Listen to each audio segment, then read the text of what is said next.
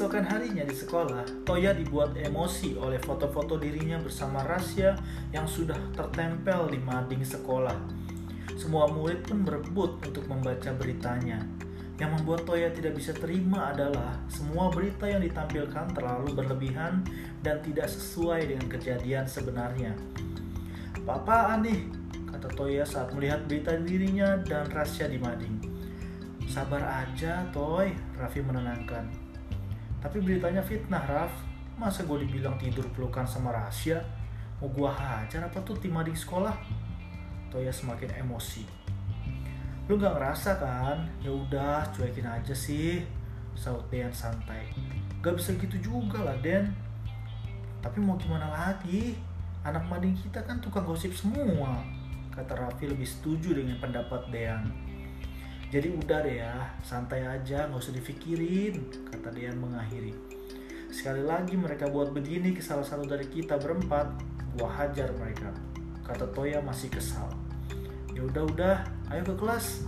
Raffi mengajak kedua sahabatnya pergi daripada terus memikirkan tentang berita sampah itu.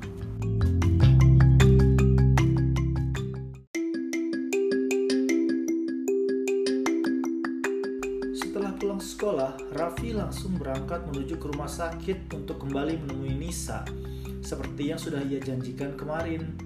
Sementara di sekolah, Toya dan Dian yang masih bersantai di The Grass tiba-tiba dihampiri oleh Ronald, Edgar, Erwin, dan Bobby, empat orang siswa kelas 12 yang beberapa waktu lalu telah membuat Toya dan Rasya terkunci di toilet guru.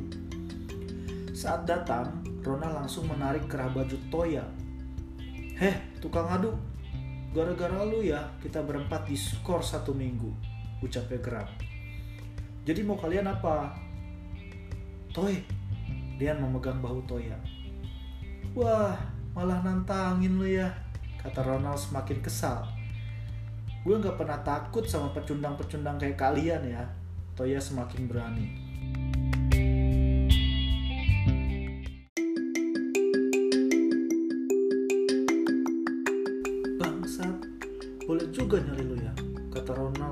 Bersiap melayangkan tinjunya pada Toya. Namun untungnya Bumiske datang dan menghentikan perselisihan itu. Stop! Teriak Bumiske keras. Ku peringatin ya, kita akan buat perhitungan sama lo. Gertak Erwin yang wajahnya tidak kalah seram dengan Ronald. Ada apa lagi nih? Tanya Ibu Miske curiga. Ronald CS pun berusaha keras menutupi kesalahan mereka. Ah, enggak bu. Kita cuma mau minta maaf aja sama Toya. Ya nggak Toy? Kata Ronald lalu merangkul tubuh Toya. Namun Toya tidak merespon sedikit pun. Kalau kalian buat ributan lagi, saya tidak akan segan-segan mengeluarkan kalian dari sekolah ini. Ucap Ibu Miske mengancam. Jangan bu, kasihan kan kita sebentar lagi lulus. Kata Erwin memelas. Kalau begitu kami permisi ya bu. Kita duluan ya Toy. Ucap Ronald undur diri dengan cara yang sangat sopan. Cabut, saut Erwin menambahkan. Terima kasih ya bu, ucap Dean kepada Ibu Miske sesaat setelah Ronald CS hilang dari pandangan mereka. Iya, jawabnya singkat lalu berjalan lagi pergi. Setelah Ibu Miske benar-benar telah pergi, baru Dean kembali bicara. Kayaknya lu udah salah langkah deh, Toy.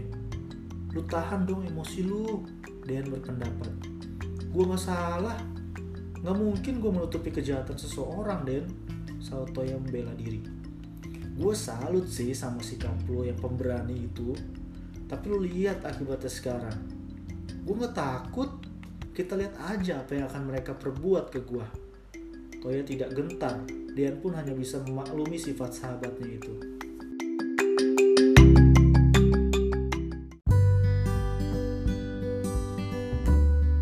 Di rumah sakit, Raffi sedang mengobrol seru dengan Nisa di taman. Kalau bunga, bunga apa yang jelek ayo, kata Raffi berikan teka-teki. Apa dong? Ucap Nisa tidak bisa menjawab. Bisa jawab nggak? Enggak, aku nggak jago tebak-tebakan, Raf. Nisa menyerah. Bunga Nisa lah. Haha, ujar Raffi lalu tertawa geli. Ih, garing banget sih. Emang ada bunga Nisa? Gak nyambung tahu. Gak nyambung ya?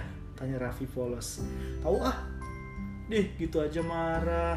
nanti cantiknya hilang loh. Ih rese banget sih. Tadi katanya aku jelek. Ujar Nisa semakin kesal dengan sikap Raffi. Kan bercanda jangan marah dong. Iya nggak marah kok. Bener nggak marah tanya Raffi untuk memastikan. Sambil tertawa Nisa kembali bicara.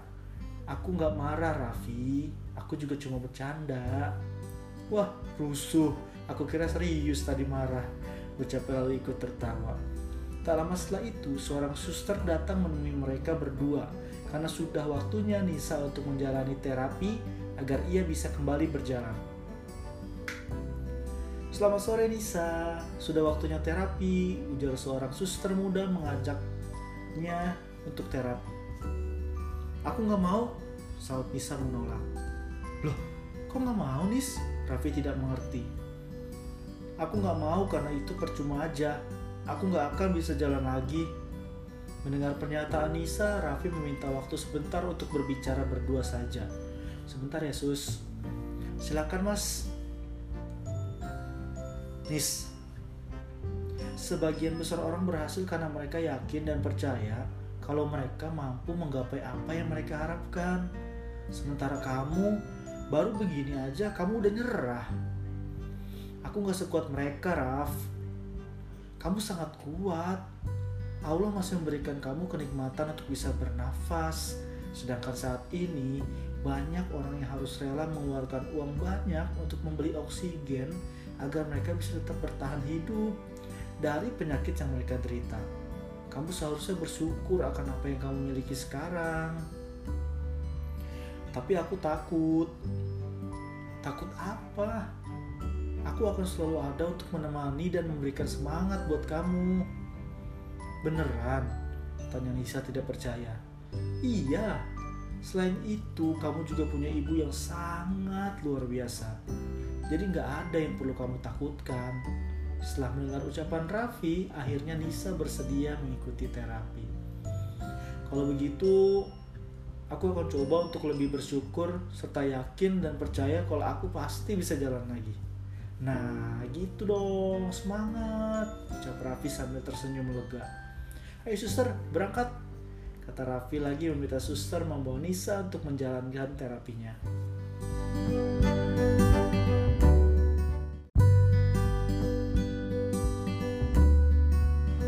Terapi pada hari itu berjalan lancar. Nisa memulai terapi dengan berusaha untuk bisa berdiri, walaupun masih dengan bantuan Raffi dan suster di sebelahnya. Namun berbeda dari terapi sebelumnya, kali ini Nisa menjalani terapi dengan semangat dan terlihat lebih banyak tersenyum. Di samping itu, Ibu Nisa sengaja mengintip dari jendela agar bisa melihat usaha yang dilakukan oleh anaknya tercinta. Tak lama setelah itu, seorang dokter menghampirinya. Selamat sore, Bu. Selamat sore, dokter. Bagaimana perkembangan anak saya, dok? Melihat anaknya menjalani terapi dengan semangat, Ibu Nisa terlihat antusias. Sebelumnya saya ingin bertanya, siapa pemuda yang mendampingi Nisa itu ya? Tanya dokter sambil melihat ke arah Raffi. Namanya Raffi, entah kenapa dia sangat ingin membantu Nisa. Emang ada apa ya dok? Yang saya lihat hari ini, kemajuan Nisa sangat pesat. Hal ini membuat saya semakin optimis bahwa Nisa pasti bisa berjalan kembali. Tolong bantu saya, anak saya ya dokter. Pasti bu, saya akan berusaha semampu saya. Terima kasih ya dok. Sama-sama bu, saya permisi dulu ya. Ucap dokter itu mengakhiri lalu pergi. Setelah itu, hari mulai semakin gelap dan terapi pun telah berakhir. Raffi memutuskan untuk pulang karena hari ini adalah hari yang cukup melelahkan baginya.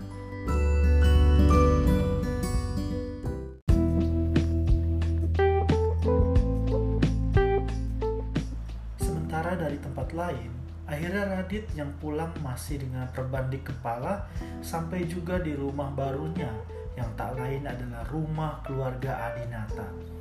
Setelah turun dari mobil, Radit langsung disambut oleh barisan pengawal keluarga Adinata beserta pelayan dan semua yang bekerja di rumah luar biasa besar itu. Selamat sore Tuan Besar dan Tuan Radit, ucap semuanya kompak. Radit sangat malu dan bingung harus bicara apa. Selamat sore, jawabnya malu-malu. Mereka berdua pun berjalan memasuki rumah dengan diikuti beberapa orang berbaju serba hitam di belakangnya. Setelah sampai di ruang utama, pandangan Radit langsung tertuju pada sebuah foto keluarga berukuran besar di dalamnya berdiri gagah seorang pria tampan ditemani seorang wanita muda yang sangat cantik. Rambutnya yang ikal terjuntai indah, wanita itu menggendong seorang bayi laki-laki mungil yang sangat lucu. Di sebelahnya berdiri seorang pria tampan setengah baya, tubuhnya gagah dan penuh wibawa. Senyum bahagia terpancar dari wajah mereka Melihat foto itu, dada Radit tiba-tiba terasa sesak. Mereka orang tua kamu, Dit. Kakek Adinata bercerita. Foto itu diambil satu minggu sebelum kecelakaan terjadi. Foto yang bagus, kek. Dada Radit masih sesak. Tanpa terasa, air matanya pun menetes. Namun buru-buru ia hapus. Kalau kamu tidak suka, kakek akan suruh pelayan untuk copot foto itu. Jangan kek. Radit suka kok. Kamu harus kuat ya Dit. Kata kakek Adinata memberi semangat. Radit pun menganggukkan kepala. Nah kamar kamu ada di lantai atas. Karena kakek tidak bisa ke atas kamu akan diantar oleh pelayan pribadi kamu. Pelayan pribadi? Maksudnya? Tanya Radit tidak mengerti ya tentu orang yang akan melayani kamu di rumah ini jawab kakek Adinata sambil tersenyum Sebelum ia sempat berbicara lagi, seorang wanita setengah baya namun terlihat ramah mengajak Radit untuk pergi melihat kamarnya. Mari Tuan Radit. Mau tidak mau, Radit pun berjalan mengikuti pelayan pribadinya menuju ke ruang atas untuk melihat bagaimana kamarnya sekarang. Dan betapa terkejutnya ia saat membuka pintu kamar dan melihat sebuah kamar bernuansa serba biru langit yang luar biasa besar dengan semua perlengkapan yang lengkap seperti tempat tidur yang besar dan nyaman, sofa, kamar mandi, televisi, MacBook, iPad, iPhone, home theater, dan berbagai video game serta buku-buku yang berjajar rapi di lemari. Ini ruangan apa? Tanya Radit polos. Ini adalah kamar tidurnya Tuan Radit, jawab pelayannya menjelaskan. Gak mungkin. Ucap Radit masih tidak percaya, lalu berjalan memasukinya. Di dalam lemari ini terdapat semua pakaian tuan yang baru serta seragam untuk tuan sekolah. Ucap pelayannya lagi lalu membuka sebuah lemari pakaian besar berwarna putih berisi semua pakaian baru yang terlihat sangat bagus. Wow, Radit hanya bisa terkagum melihat sisi kamar yang baru. Pokoknya, seisi kamar ini mulai sekarang adalah milik Tuan Radit. Silakan beristirahat Tuan. Jika butuh sesuatu, jangan ragu untuk memanggil saya. Saya permisi ya. Tunggu-tunggu, nama ibu siapa? Panggil saja saya Bi Yeni. Oh, ya udah. Terima kasih ya Bi Yeni. Ucap Radit sambil tersenyum ramah. Bi Yeni pun pergi meninggalkan kamar sambil menutup pintu.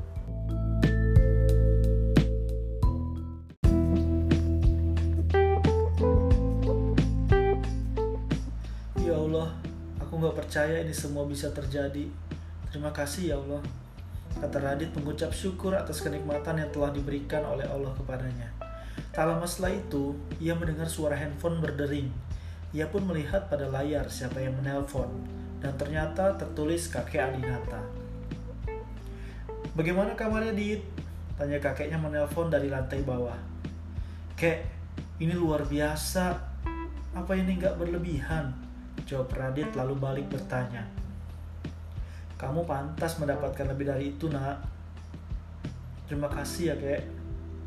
Ya udah, sekarang kamu istirahat. Nanti kita makan malam sama-sama ya.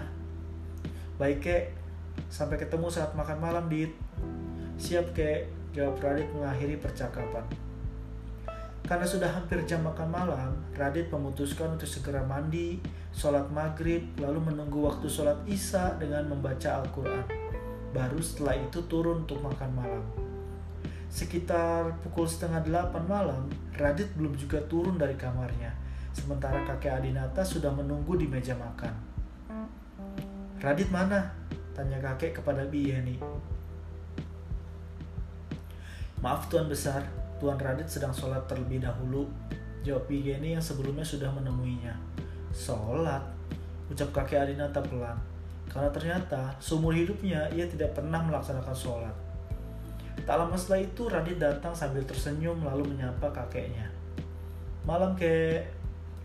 Malam dit. Maaf bikin kakek nunggu ya.